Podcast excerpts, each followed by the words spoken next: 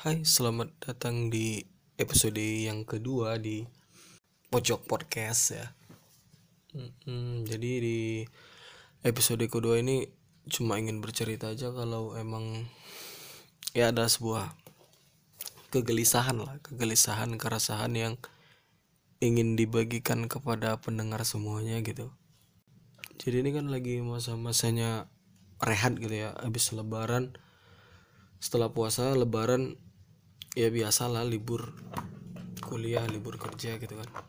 Ngerasa ya nyaman dengan ninggalin semua aktivitas yang biasanya gitu kan. Kayak kerja terus kuliah gitu. Apalagi kuliah gitu kan.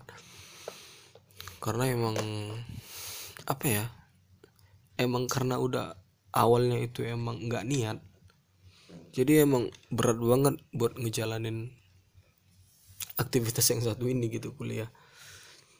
Nah, rasanya pengen libur aja tiap hari tuh. Tapi kalau mau diberhentiin juga sayang gitu kan karena udah semester ke-6 lah mau masuk semester 7 nih. Tinggal setahun lagi gitu loh. Jadi rasanya sayang aja kalau mau keluar terus berhenti atau DO gitu kan. Rasanya sayang tapi kalau dijalanin emang sakit ya. Sakit pak gitu loh. Ibaratnya berjalan di sebuah jalan yang gak akan pernah kita mendapatkan kenyamanan gitu kan. Karena satu emang nggak niat terus yang kedua emang ada aja emang yang nggak yang nggak sehati lah gitu. Yang nggak sepemikiran sama kita. Maksudnya gini deh. Mengelanggar beberapa prinsip-prinsip yang ada di hidup kita gitu loh karena emang awalnya terpaksa gitu ya. Jujur banyak banget yang banyak hal yang buat kesel kadang ngomel sendiri gitu kan. Kadang di jalan itu ngobrol sendiri. Kadang ngerenung juga kok. Rasanya emang nggak nggak pantas aja ngelakuin ini itu gitu. Karena pernah di satu malam di bulan puasa kemarin itu kan jadi kan jadwal ujian itu jatuhnya di di tengah bulan puasa. Di puasa keberapa gitu loh lah. Pokoknya selama puasa kita ujian. Jadi kan uh, aku tuh termasuk yang kuliah malam ya. Jadi di kotaku ini ada di satu kampus yang sama tapi mereka ngebikin dua kelas gitu. Ada kelas pagi sama kelas sore lah dibilang. Masuknya dari jam 6 pulang setengah 10 atau jam 8 gitu. Jadi untuk ujian jamnya tetap sama.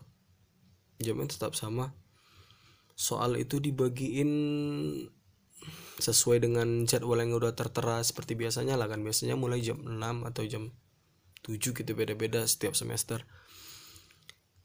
Jadi ada satu dosen ini ini padahal maaf banget dia tuh padahal muslim. Seharusnya dia tahu apa-apa yang dilakuin dari dari sampai jam-jam tersebut gitu kan.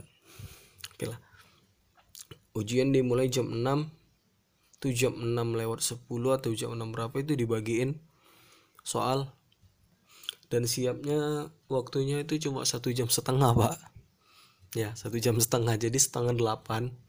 Itu harus dikumpul gitu lah ya kok kebayang nggak sih di ya untuk informasi aja. Jadi aku tuh tinggal di salah satu kota di daerah Medan lah gitu ya Medan. Dua jam dari Medan gitu kan. Jadi di sini buka puasa itu jam 6.30 gitu. Jam 6.30 atau setengah tujuh gitu kan. Ya kebayang dong gimana ribetnya gimana ribetnya harus ujian sambil buka atau nyiapin buka puasa gitu pak. Karena banyak hal yang dilakuin dari jam 6 sampai setengah 8 itu bukan yang santai-santai aja gitu kan. Karena dari jam 6 oke okay lah sampai jam 6 sampai setengah 7 bisa ngerjain gitu kan. Tapi gitu buka puasa makan belum lagi maaf sholat maghribnya gitu lah. Karena banyak jadi ada orang yang sampai nunda makan saya nggak tahu atau apakah nunda sholat juga tapi kan setidaknya dosen-dosen ini harus memberikan sebuah pengertian sebuah kelonggaran ya waktu. Itu untuk supaya karena emang di rumah nggak nggak cuma tenang-tenang aja pak gitu loh. Karena di rumah juga ada aktivitas yang lain. Beda kalau tadi emang ujiannya di kampus gitu kan datang ke kampus itu bakal beda. Pasti semua semua aktivitas kita itu bakal ya bakal bisa fokus lah bakal bisa ke pinggir karena kita ada di kampus gitu kan. Tapi kalau kita di rumah kok di rumah gitu loh kadang disuruh ini disuruh itu gitu kan. Jadi itu emang ada-ada aja dosen-dosen yang emang nggak punya kalau maaf dibilang nggak punya pengertian sama sekali gitu loh. Karena mereka ya bisa dibilang seenaknya doang pak gitu loh emang kita terikat suatu apa ya kewajiban sama hak gitu. Bahwa harusnya kita nyelesain menyelesaikan apa ujian itu harus tepat waktu gitu kan. Lalu ada juga dosen kalau ini memang agamanya bisa dibilang bu bukan Islam gitu kan. Jadi dia itu ada jadwal ujian jam jam setengah delapan. Eh jam delapan maaf. Jam 20 jam 8 malam itu kan udah isya. Dan bagi orang yang mau sholat terawih pasti sholat isanya di masjid dong. Setengah setengah delapan udah azan pasti nggak tahu itu soal bakal kekirim atau gimana. Cuma sebelum setengah delapan itu dia ada bilang bahwa ini waktu ujiannya cuma satu jam setengah jadi artinya dari jam 20 sampai 21.30 sampai setengah 10 dan dan kita semua tahu gitu loh salat tarawih itu siapnya jam 9 pak paling cepat jam 9 kalau di tempatku jam 9 paling cepat siap salat tarawih gitu loh. Jadi artinya cuma punya waktu 30 menit buat ngerjain soal gitu loh. Bisa ngerjainnya bisa tapi takutnya hasilnya kan nggak maksimal gitu lah karena itu juga apa ya yang dipertaruhkan itu ibaratnya ya masa depan di kampus itu juga gitu loh. Takut hasilnya nggak memuaskan nilai jadi rendah gitu. Mempersulit kitanya juga nanti tas susulan atau perbaikan gitu kan. Ya something like that gitu loh bakal ada kesulitan-kesulitan yang bakal kita hadapin kan. Jadi diskusi lah minta keringanan bahwa pak sebenarnya ini ada ibadah dari jam setengah delapan sampai jam sembilan paling cepet. Jadi apa enggak ada kelonggaran waktu sedikit? Jawabannya adalah ya kalau emang yang mau ngelaksanain ibadah itu kata kata bapaknya ya tolong sertain sama bukti ya. Tolong sertain sama bukti. Artinya dia minta foto kita ketika di masjid gitu. Ketika ngelaksanain terawih biar biar ya dia tahu bahwa kita memang benar-benar sholat. Iya kayak buk ya Allah pak ya kali ya kali gitu kan. Kita ke masjid foto selfie gitu. Ya Allah mau syuting video klip azan lu pak.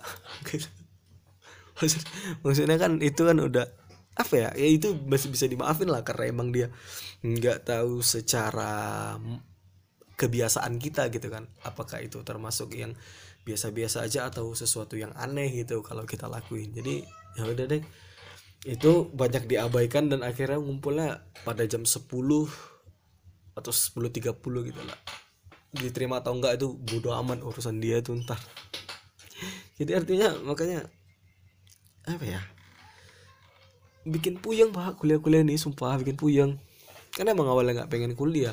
Padahal dari kampus sendiri tuh dari pihak yayasan udah ngasih keringanan gitu kan ngasih keringanan bahwa untuk yang kelas sore itu soal dibagi tepat di jadwal di sesuai jadwal sesuai jadwal di hari itu. Dan pengumpulannya itu batasnya 12 jam pak. Jam 7 pagi di hari yang esoknya gitu. Artinya ada 12 jam waktu ngerjain. Tapi ada beberapa dosen yang apa artinya tidak mau ngikutin jalur yang ini gitu loh. mereka ngebuat ngebuat sebuah uh, ini sendiri kebijakan sendiri gitu kan ya ngerti lah mungkin karena mungkin dia repot terlalu banyak yang artinya gini kan satu dosen itu bisa masuk ke 3, 4 atau 5 sampai 6 kelas gitu kan. Ya saya tahu lah gimana ribetnya notifikasi handphonenya gitu nerima jawaban dari mahasiswa. Tapi ya nggak nggak harus satu jam dua jam juga dong ngasihnya. Soalnya kan di rumah itu nggak cuma santai doang pak. Karena kita kan ada ibadah ini ibadah itu gitu kan. Jadi jam 7 pagi. Nice lah. Kerja ngerjain setelah taraweh di samping eh disambung setelah subuh gitu kan. Itu udah jalan terbaik tapi emang itu beberapa dosen nggak nggak ngindahin nggak indahin imbauan itu gitu kan. Terus ada beberapa dosen ada beberapa tenaga pengajar yang menurutku emang ini kasar sih pak. Tapi jujur ya jujur. Walaupun sedikit agak kasar tapi nggak layak ngajar pak. Nggak layak ngajar sama sekali sumpah. Karena artinya gini dong kok menurutku jadi guru itu susah. Ngajarin orang itu susah ya. Orang pintar nggak semua orang pintar itu bisa ngajar. Oke kita semua aku jepakatinya gitu menurutku gitu kan nggak semua orang pintar itu bisa ngajar. Karena guru itu harus punya apa ya daya tarik lah. Sama kayak orang-orang yang kerja di dunia entertain. Mereka harus bisa menarik perhatian setidaknya menarik perhatian kita aja gitu. Atau mengambil fokus kita agar kita nggak kepikiran nggak ke mana-mana gitu. Karena ada beberapa beberapa dosen juga di kampus itu yang emang berhasil gitu. Kalau menurutku emang berhasil meng mengalihkan perhatian kami ngambil fokus kami gitu kan. Mulai dia ceritain soal apa tentang kehidupan kehidupannya gitu pengalaman. Karena emang menurutku orang-orang bakal tertarik dengan pengalaman orang lain. Apalagi yang yang kita itu belum pernah ngerasain itu pasti kita interest banget pak. Jadi setiap dosen itu emang harus punya dosen guru atau tenaga pengajar gitu kan mereka harus punya daya tarik sendiri. Mereka harus punya gaya sendiri untuk bisa setidaknya mempick up attention kita gitu loh. Ngambil perhatian yang ada di kelas itu kan. Supaya materi yang disampaikan juga lebih mudah gitu pak. Kalau kita aja gini deh. Untuk untuk yang mahasiswa siswa gitu kan. Kalau kita nggak senang aja sama guru dosen gitu. Sebuah kebenaran pun yang keluar dari mulutnya nggak bakal kita dengar. Itu itu itu itu kuncinya. Makanya harus yang dibangun itu apa ya sebuah chemistry sebuah perasaan saling membutuhkan gitu lah antara si pengajar sama orang yang diajarin gitu kan. Kalau nggak tercipta hubungan semacam ini it's a bullshit semua. Semua udah. Kadang dia nyam kadang dia ngeletak file powerpoint gitu kan. Terus adalah sisi tanya jawab. Dan itu jawabannya pak ya allah nggak niat dong. Jawabannya cuma gini aja iya. Ntar kamu lihat di buku. Oh iya. Coba baca lagi. Ya allah gitu. Eh gini dong gini gini. Ya gini. Maksudnya ketika seseorang itu bertanya artinya itu mungkin mungkin dia nggak benar-benar pengen tahu tentang jawabannya tapi setidaknya dia mau dihargai dong gitu lah. Mau dihargai apa ngerti ya? Dia mau dihargai kan? Ya masa dibalas dengan udah kamu scroll ke atas baca lagi. Ada di buku halaman sekian halaman ini.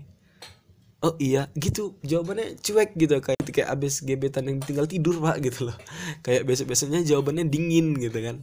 Gitu gitu ada ada. Sering kayak gitu kan.